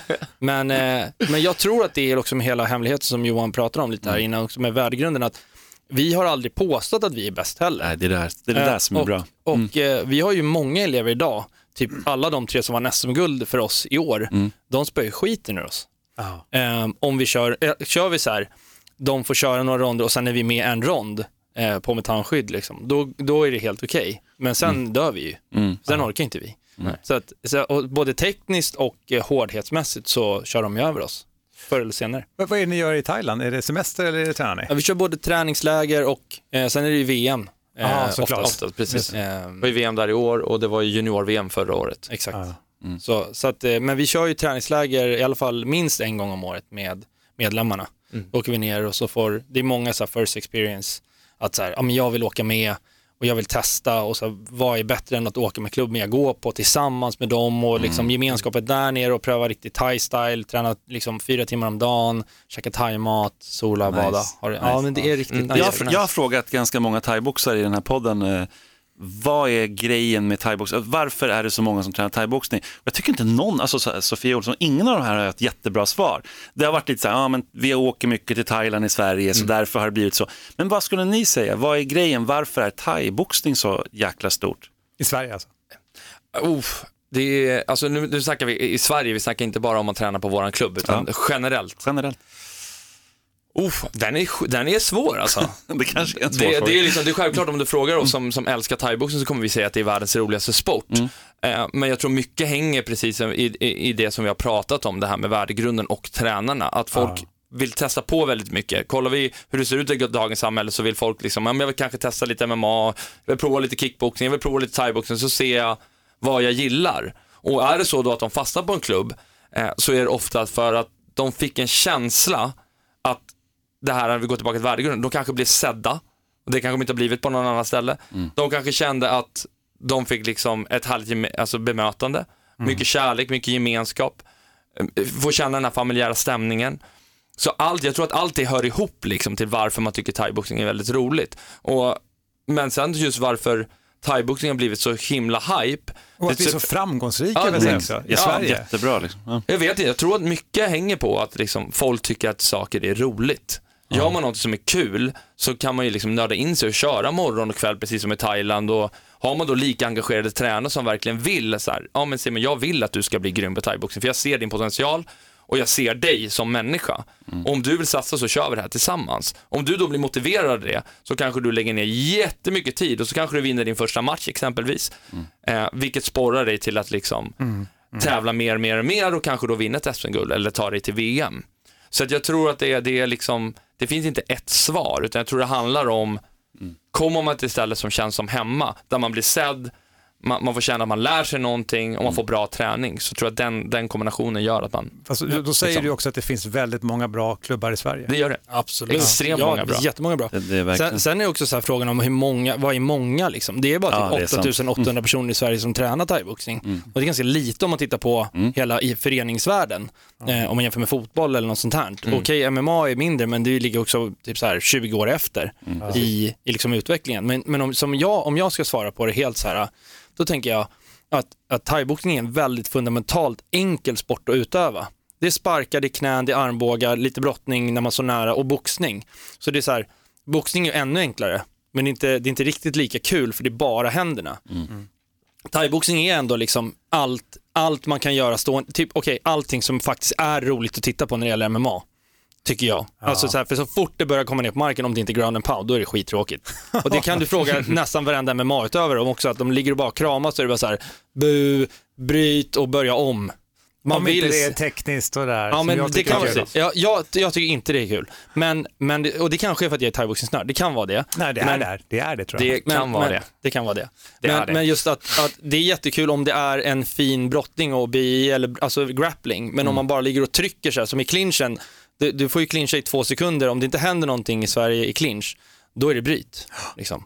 Och, Mm. men, men jag skulle säga att det är väl, väldigt så här, ingångsläget att köra, vi har ju kört lite BJ och det tycker vi är skitsvårt Mm. eh, och inte, har inte varit våran grej än och jag har testat, men att komma som liksom rookie, att liksom knappt Mm. ha koordination, så kan man lära sig thaiboxning väldigt, väldigt snabbt. Och Jag tror, sen att det där, jag tror att det där är nyckeln. Det var faktiskt min nästa fråga som jag satt och ru- ruva på. Lite så här hur, hur ändå, det är inte lätt att bli riktigt bra, men hur man ändå kan få någon sorts liksom, arsenal. Vad skulle du säga, om man tar ett exempel då, så här, du kommer ner, du är kanske säg 16 år, aldrig tränat egentligen eh, kampsport, men kört fotboll. Så här, hyfsat vältränad vanlig 16-åring. Hur bra blir den 16-åringen ungefär, om den är dedikerad på ett år hos er? Um, ja, absolut sagt, är det den, liksom den uh, gemene man, 16-åringen, eller är det liksom Anton Sjöqvist som liksom gick SM? Men det är ju en extrem, nu pratar vi om extrem, en men- men vanlig. generellt, liksom. ja. Ja. Jag, menar, jag skulle ändå tro att... Som är eh, dedikerad och är där, Dedikerad plats. och, och liksom har koordinationsförmåga, för det är liksom A och O. Mm. Vissa personer har inte koordinationsförmåga av olika anledningar Mm. och då blir det väldigt, väldigt svårt. Då, då kan du nog säga att ett år blir fyra år. Mm. Men om man har koordinationsförmåga så skulle jag säga, om man är lika dedikerad med thaiboxning istället för fotboll, Mm. då skulle jag nog säga att man är någonstans på så här, eh, ja men inte kanske elit, men ändå så tävlingsnivå Wow. på ett år. Wow, det är det- riktigt stora Ja. ord. Ja men det, det är min, det är, eller vår, Ja, eller min absolut. erfarenhet i alla fall. Precis, vi har ju Ja. haft folk som har liksom, ja, vi hade ju Wow. nu i år så hade vi en, eh, vi hade två killar, en kille vann junior-SM-guld, Det var- det var hans första, första tävling överhuvudtaget och han hade tränat i ett och ett halvt, två år. Och det klassisk, klassisk, precis en sån person, Mm. att så här, kört fotboll, lite brotting med bror, men också tvillingar. Ja, det. Faktiskt, sjukt nog. Två, ett par tvillingar, körde lite fotboll, lite hockey och liksom fightas med varandra hela livet. Körde liksom, båda gjorde jättebra ifrån sig i junior-SM, det bara att den andra killen knäade sin motståndare i huvudet, vilket man inte får. I junior, så han blir diskad. Annars skulle han garanterat ha vunnit SM-guld Wow, också. okej. Så. Häftigt. Ja, Jag vet att jag hade klubb i, i Stockholmspolisen, inom Stockholmspolisen. Mm. Och då var det så här, då, hade vi, då tittade vi på det efter flera år så här och såg att det, det svåraste var att få folk dit att, första gången. Alltså att, att just det här Mm. Ja. Mm. tröskeln, att ta sig till en klubb, man tror att det, och det här var ju så här i polishuset, du ska förbi Yes. Mm. liksom, inpasseringstillstånd och allting sånt där och ner och så står det liksom poliser och håller på. Och det var, så det var, det var en tröskel. Yes. Sen hade vi nästa grej, jag brukade säga det till alla elever också, så här, men det svåraste brukar vara att komma hit andra gången sen. Det är liksom nummer två. Och sen hade vi någon sorts, eh, då, och det här, det här är säkert, det här är det, min fråga till er då. För sen hade vi en platå efter typ 12 gånger eller någonting sånt där. Hur ser det ut för er? Vad, är liksom, vad finns det för olika platåer? Dropouts liksom. Ja. Alltså, och du menar när, när typ folk eh, liksom Ja, känner man- nej fan nu skiter jag i det Ja, här. eller att så här, ja fast, eller nu fattar jag det här. Att, för, för där var det liksom att man kom till en platå efter kanske 12 gånger. För då bör, man förstod liksom grunden, man förstod stämningen. Antingen var det någonting för en själv, eller så var det inte det. Ja. Men hur är det för er? Det, ni kör ju terminer, eller hur? Ja men precis. Mm. Just. Vi kör terminsvis och eh, det är svårt, jag vet inte om jag kan säga så här generellt hur många gånger någon tränar innan de droppar ut. Jag skulle nog säga att de kör i alla fall minimum tre fyra månader, alltså Ja, generellt. ungefär. I alla fall, de, försö- de flesta som kommer till oss, de försöker i alla fall ge det en termin till att liksom testa, så här, är det här min grej eller inte? Eh, sen är det ju svårt när man liksom snackar, man blir, blir, blir riktigt duktig, för där handlar det precis som Emil var inne på innan, med koordinationen och viljan till, så här, okej, hur dedikerad är jag? Vill jag träna på motionsnivå eller vill jag komma på så många pass som möjligt? Det är ju lite upp till var och en. Och där är det inte så himla svårt tycker jag att så här, eh, uttyda dem som, det märker man rätt snabbt när man kommer in på passet till de, de medlemmarna som man liksom man bara ger en high five till och de är nästan liksom så här, de, är liksom, de har redan börjat mentalt. De liksom står och bara, nu jävlar, nu kör vi. De är kvar längre. De som liksom är lite osäkra, kanske lite tillbakadragna, de är liksom i kanske gråzonen. Och där handlar det mycket om, precis som vi pratade om innan, det här med liksom bemötandet. Blir de sedda, får de hjälp, känner de att det är kul, kanske en klapp på axeln, en high five, säga du, det gick jättebra idag för dig. Var stolt över dig själv. Bara för att få en uppmuntran, då skulle nog säga att minimum är i alla fall en termin. Det skulle jag säga. Intressant. Men eh, det jag också poängtera, till skillnad från alla andra sporter, eller okej, inte alla andra sporter, men många andra sporter så är det så här att det är mycket bättre för oss att uppmuntra den här blyga, introverta personen för att den ska ha ett högre rate för att faktiskt komma tillbaka än den här personen som redan är taggad innan. För den personen behöver bara oftast en high five. Den personen behöver en high five, eh, höra deras namn, vi kan nästan allas namn på klubben. Wow. Och 800 sen, ja, nu är vi inte två tränare, vi är ju 18 tränare. Ja, ja, okej. Så vi ska, vara- vi ska liksom verkligen inte ge cred När ni, till säger, att, när ni säger vi så menar du alla? Jag menar alla, alla 18 tränare, så vi håller inte alla pass, Precis, Johan vi heller. håller inte alla passen. Eh, vi håller många, men eh, det är bättre för oss att ta de här som, vars föräldrar kanske kommer fram och säger, ja men eh, vår, min son har ADHD, och så här, välkommen till klubben, men, men eh, det är bättre att uppmärksamma dem, eh, för att de har en mycket högre rate av att, eh, liksom, de behöver det som mest oftast, och de har också en högre rate av att hoppa av. Och då blir det lättare att fokusera på dem. Precis. Vi ska ta och runda av strax, men jag har två Absolut. frågor. Jag tänkte Yes. på en grej, du pratade med MMA förut, men det har ju faktiskt en utövare, Bea Maleki har ju kört hos er. Yes. Och nu kör hon MMA. Jajamän. Hur känns det? Ja, det är ju min exflickvän, så att, eh, det, Aha, det känns ju, nej men det, det är klart så här, vi var tillsammans i, i fem år Ja. Och vi hade en jätte, jättefin relation och det var hennes grej liksom. Hon kände att det var dags att gå vidare. Så att vi, har, vi har, tycker det är askul. Alltså det är jätteroligt att... Och sen, ja, verkligen, superduktig. Hon var superduktig när hon körde thaiboxning också. Ehm, och extremt duktig på att, när vi pratar om det med inlärningsindex, väldigt, väldigt snabbt inlärningsindex. Index. Och hon tycker saker är kul liksom. Så att jag tycker det är askul att få se henne, jag var och kolla på henne nu i, på UFC när hon körde det. i Globen. Så att jag tycker vi tycker, båda tycker att det är fantastiskt. Alltså det är superkul. Sen är det jätteroligt att, att få att vara med och liksom gjort grunden för det. Det är rätt jag tänker på det. Det Superroligt, absolut. Ja. Superroligt. Så vi, vi tar åt oss all cred för det. Ja, exakt. Egentligen så är det all cred för att, vi, för att hon är med i UFC. Det är Ja, exakt, exakt. Tack vare Johan. Johan Ödmjukt säger det. Ja, Johan säger det. Ska vi ta och bara titta, vad är härnäst nu? Jag tänker, ni sa att ni har lite nyheter Yes. för Mm, TMT. intressant. Yes. Men vi, vi har ju våran lilla då 200, ja, men den är 220 kvadratmeter, sen har vi ett litet väntsal som är ja, typ eh, ja, kanske 20 kvadratmeter och nu eh, nästa vecka så ska vi skriva på för att få en till lokal under, så att vi kommer bli Nice. i alla fall en 200-250 kvadratmeter större. Ja. Eh, för att vi har ju uppenbarligen, nu har vi ju eh, väntelister och, så så. och så kan inte folk få plats på väntelistan för att det är fullt. Eh, och det är ju lyxproblem. så då verkligen. behöver vi utöka. Mm. Yes. Vad roligt, vad kul. Verkligen. Verkligen. Så 2020 är 800 tanken- pers till helt enkelt. Nej, men Nej, det, det- det och det, vi ska också vara så tydliga med att det, det är ju 800 personer per år så, som vi betalar medlemsavgifter Nej, för, mm. så det är inte 800 per termin, men det kanske är mellan 650 och 700 per Mm, termin och sen är det 100, 150 som är liksom, Ja, men exakt, en hoppar rörelse. in, hoppar ja, Mm. precis. Men eh, målsättningen är i alla fall att vi kanske ska vara 25 tränare och eh, ja, men, kanske en eh, 900 till 1000, eh, mellan ja, men 900 och 1100 elever per år. Skulle vara kanon. Wow. Men Emil, har ni sådana trappkontrakt på det här också nu så att ni bara blir skitstressade att ni måste få Nej, in... nej, nej, det är lugnt. Nu har vi så pass bra ekonomi så nu spelar det ingen roll. Så Ja, nu är det lugnt, så nu är vi, nu är vi all good.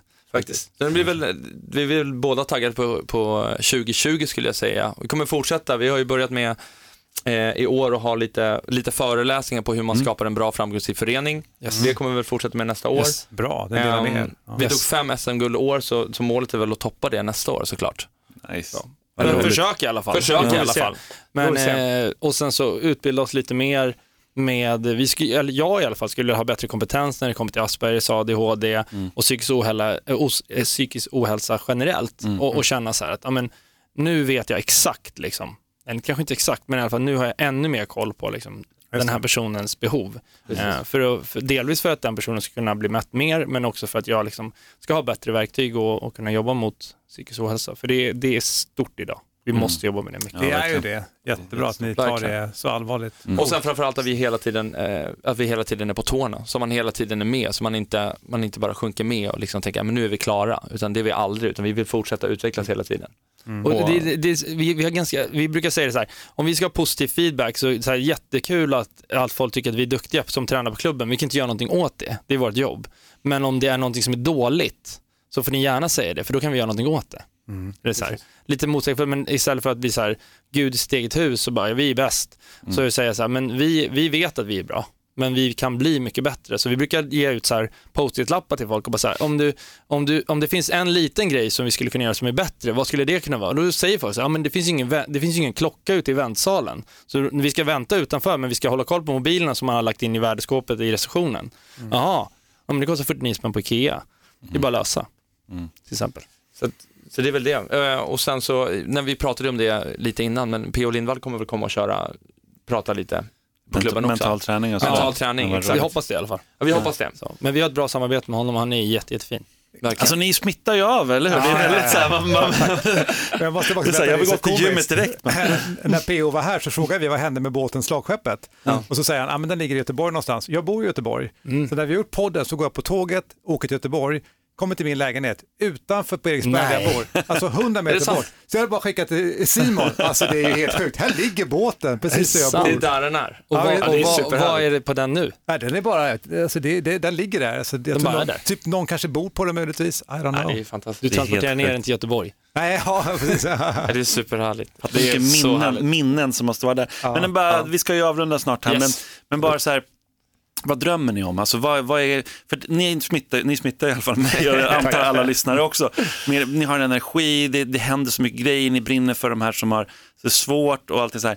Men vad, vad, vad liksom drömmer ni om? Vad är grejen? Håller ni på med det här om 10-20 år och, och hur ser det ut då? Liksom? Alltså, jag, jag tror ju det. Det här är ert Alltså, liv. jag, alltså, jag tror Ja, det. vi Jag, älskar det här. Alltså, så här, det är så jäkla kul att se människors utveckling. Det, jag tycker att det är skitkul alltså. Roligt, kul. Och, jag kan Säger, Emil nu, tänk Ja, om det- Johan säger. Nej, men alltså, det är skitkul. Vi, vi vill ju såklart, som Johan säger, vara på tårna och, och utveckla verksamheten, men sen, det är inte så här, jag, i början var det så här, men vi ska ha, vi ska ha så här många SM-guld och så här, och det är klart att det är kul att vinna SM-guld, men för mig så ligger, det är klart att det är kul att vinna och vi vill alltid kunna vara en klubb som, som folk tänker så här, men de är jäkligt duktiga. Men för mig så skulle det nästan ge ännu mer om jag kunde märka så här, att det var hundra tjejer om året som sa så här, ja men hade jag inte gått på TMT så hade jag basically tagit livet av mig själv. Det hade gett mig mer. Precis. Ehm, för SM-guld, alltså det är jättekul, men det, det blir en annan grej. Det blir Hälsa. lite, ja, men det blir lite så här ego med oh, jag är så jävla bra. Och det det, är kul, men det, är inte, det, det ger mer om man kan, liksom, man kan se det i folks ögon. Alltså. Ja. Tack och, vare det här. om, jag, om jag flikar in det så skulle jag nog säga att jag eh, önskar att vi kan hjälpa verkligen i tidig ålder redan Mm. fler barn och ungdomar som kommer in då med diagnoser som vi kan hjälpa att bli, liksom, gå från att vara den här osäkra eller rädda eller vad det än kan vara till att bli liksom fantastiska människor. Kan vi bara hjälpa en liten, liten del på vägen så tror jag att det är värt det. 100%. Tryggt ledarskap. Ja, mäktigt. Med de orden tar jag faktiskt och knyter. Tack Johan. Tack så hemskt mycket. Fantastiskt och tack så mycket Emil. Tack så mycket. Bjarne Stadas ifrån TMT Tullinge Muay Thai. Jajamän. Jajamän. avskedsapplåd också. Tack så mycket. Ja,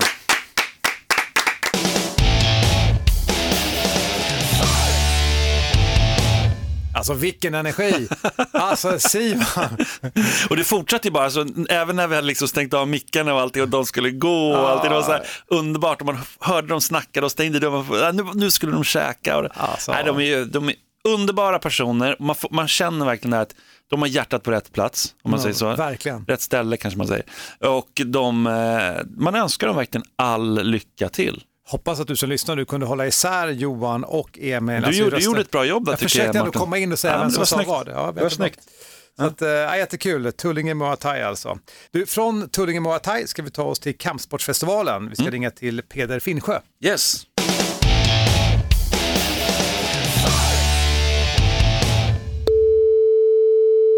Ja, det är Peder. Peder Finnsjö, Kampsportsfestivalen 6-8 december. Berätta, vad händer i år? Ja, vad händer i år? I år har vi faktiskt en eh, mycket större tillställning än förra året. Då hade vi 13 kampsporter och det tyckte vi var stort. Det blev väldigt bra. Eh, lördagen hade vi fullt hus och allting.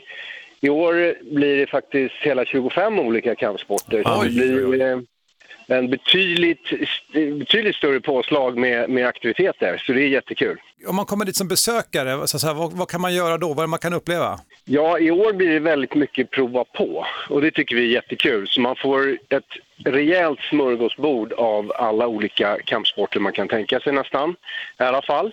Ehm, så det finns väldigt mycket prova på för de som är intresserade av kampsport generellt eller inte riktigt vet vilken stil och så man vill träna så kan man komma dit och titta på uppvisningar och även delta och träna, vara med på olika eh, gratis prova på-tillfällen.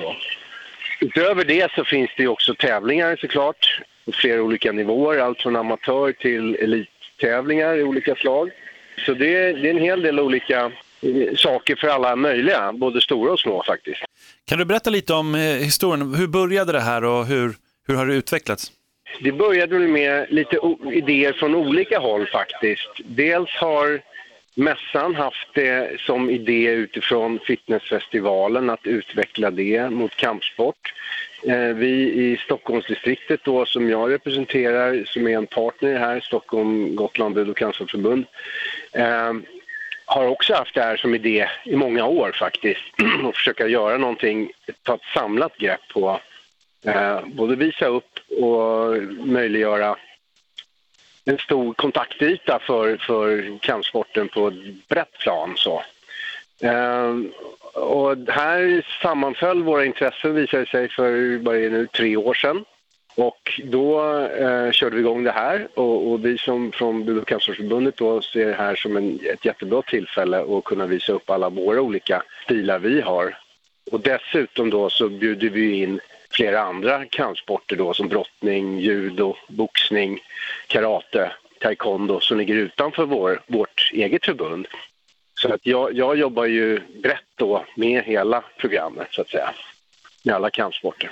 Det här med att prova på, är det en tröskel för många? Jag tänker man kommer till en sån här stor plats. Eh, liksom. Ja, det kan ju vara det. Många har ju ingen riktig översyn, överblick över vad det finns för olika kampsporter och vad det egentligen innebär. Eh, så man, ja, det är någon som har tränat karate, ja, men då går man och provar på det. Eller så någon har tränat boxning, ja, då går man och provar på det. Och det är jättebra och jättekul, men allting passar inte alla, utan alla har ju sina olika förutsättningar och, och då tänker jag i alla fall och, många med mig att kampsport i sig har många gemensamma nämnare men det finns olika uttryck i det.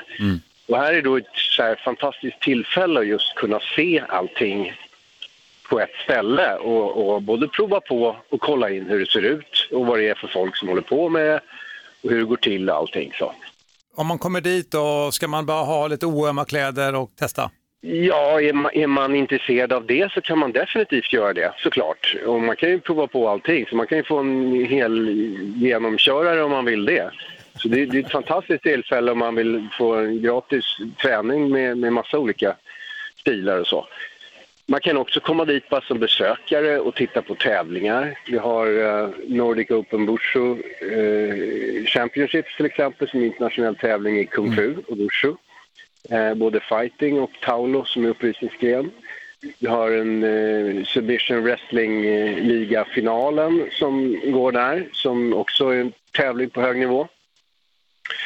Eh, vi har eh, även judo kommer ha en juniortävling och eh, Kyodo som är japansk pilbågeskytte som är en väldigt speciell kampstil, kampart, eh, har också en tävling som man kan se Spännande, vad häftigt. Ja, verkligen. Det låter riktigt kul faktiskt. Men vad, vad eh, har, har vi känt från tidigare år? Har det, har det märkts liksom i siffror? Kommer, dyker folk upp på klubbar sen efter det här? Eller alltså, för det, det finns ju någonting så här, ett uttryck som är att syns man inte så finns man inte och det här är ju verkligen att synas och då finns man. Märker ni skillnad på att folk kommer ner mer på klubbarna? Svårt att säga. Det här är egentligen andra riktiga festivalen som görs. Första året var väldigt eh, pilotartat kan man säga, för tre år sedan. Förra året var det första egentligen riktiga eh, konceptet som vi körde fullt ut då. Eh, och det här är egentligen år två kan man säga. Men nu, vi känner ju att redan intresset nu från alla klubbar att vara med är väldigt stort och vara med som deltagare på festivalen och, och förbund också. Så det är både förbund och olika klubbar som är initiativtagare och arrangörer av de här olika aktiviteterna. Då. Där finns det ett stort intresse, så har det visat sig. Och eh, hur, hur det märks på upptagningen i klubbar och så här, det är jättesvårt att säga. Men eh, helt klart är att efter förra året så, så har intresset för att vara med här visa upp sig och arrangera tävlingar varit mycket större och det är jättepositivt. Känns. Verkligen, jättekul.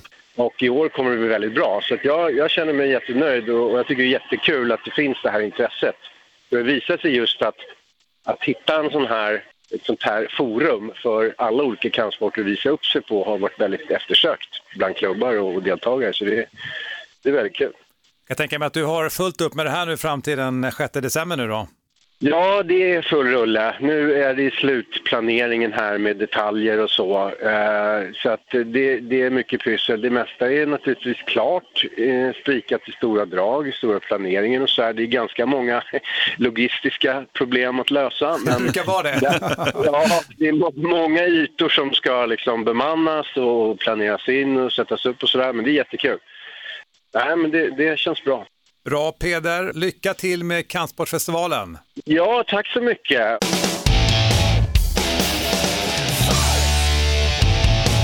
Spännande att det går så bra för Kampsportsfestivalen. Ja, det behövs känns det som. Men nu är det så här 13 till 25, vad blir nästa gång? Är det 50 kanske? Nej, men det kanske är svårt. Men, men det är ju roligt att eh, man kan dubbla nästan på det där sättet. Ja, och komma dit också och provträna. Men jag måste fråga dig Mårten, så här, det är ju superintressant och, och bra, men du har antagligen också varit med på lite uppvisningar, det, det har jag också varit, Absolut, i, i så här, olika centrum och alla möjliga, utomhus, inomhus.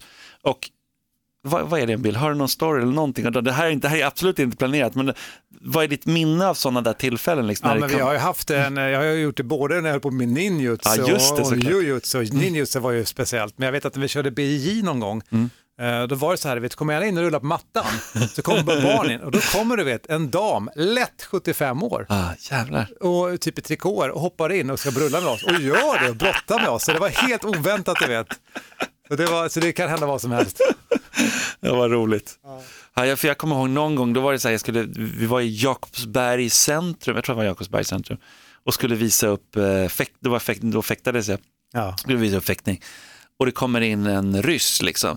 Och han var lite så hemlig, man kände, ah, men du vet, det fanns ju någonting där, eh, fejkar han lite, eller så här, kan han det här, eller hur var det liksom? Ja. Så, så, så skickade jag någon, någon elev som var hyfsat ny och liksom köra lite med honom. Och jag såg så här, ah, okej, han, han vet hur man står, han vet hur man går, han, vet, alltså, han kan det här lite grann. Så bara, in med en bättre person. Och han liksom, mm, vann även där, okej. Och så började så här, till slut så fick jag köra mot honom och då var han så här, han har varit med i landslaget i klassisk, klassisk sportfäktning då. Så jag kunde fortfarande vinna över honom i den här, för här fick, man, här fick vi röra oss runt. Men eh, oh my god, han var ju hur grymt som helst. roligt. Det var verkligen så här, men han hämlade den grejen liksom. Bara, Nej, men jag har kört lite fäktning. Det är lite det som är kul också. Jag har kört lite grann också. Och så bara ta, plocka av en i taget. Nej, men det är roligt. In där och kör. Vart är det nu? Alltså, vi snackar aldrig vart det var någonstans. Älvsjö va? Stockholmsmässan. Ja, det som var Älvsjömässan förut. Just det, han nämnde inte det, men Superior Challenge kommer också avsluta hela den. Jag tror att det avslutar hela den mässan. Och det är ju som sagt den här fitnessfestivalen parallellt där. Jag vet att Mm. han, jag såg det någonstans att han, The Mountain, om man nu tycker om Game of Thrones. Ah, coolt. Ja, han Han är inte annat. liten. Han är inte liten. Nej, men jag vet att jag har varit där en gång alltså på då, när Superior Challenge var där. Jag vet att man, om man har biljett till Superior Challenge då tror jag man också har, får vara där hela den dagen Mhm. och vara med liksom hela där. Så att, eh, jag tror att det var slutsålt sist i alla fall. Det var bra, alltså, det, var, det var kul att vara där. Spännande. Mm. Vi tar och knyter dagens podd från Yes. Muay Thai till Kampsportsfestivalen. Yeah. Utan Elin Blad idag. Tyvärr, tyvärr, vi hade behövt lite, Lite tjej. Tjejer. Tjejor.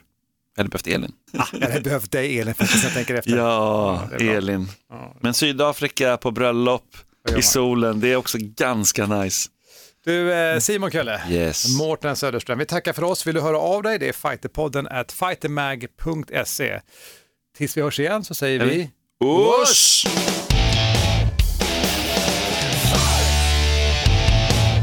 Fighterpodden produceras av Suba Media för Radio Play.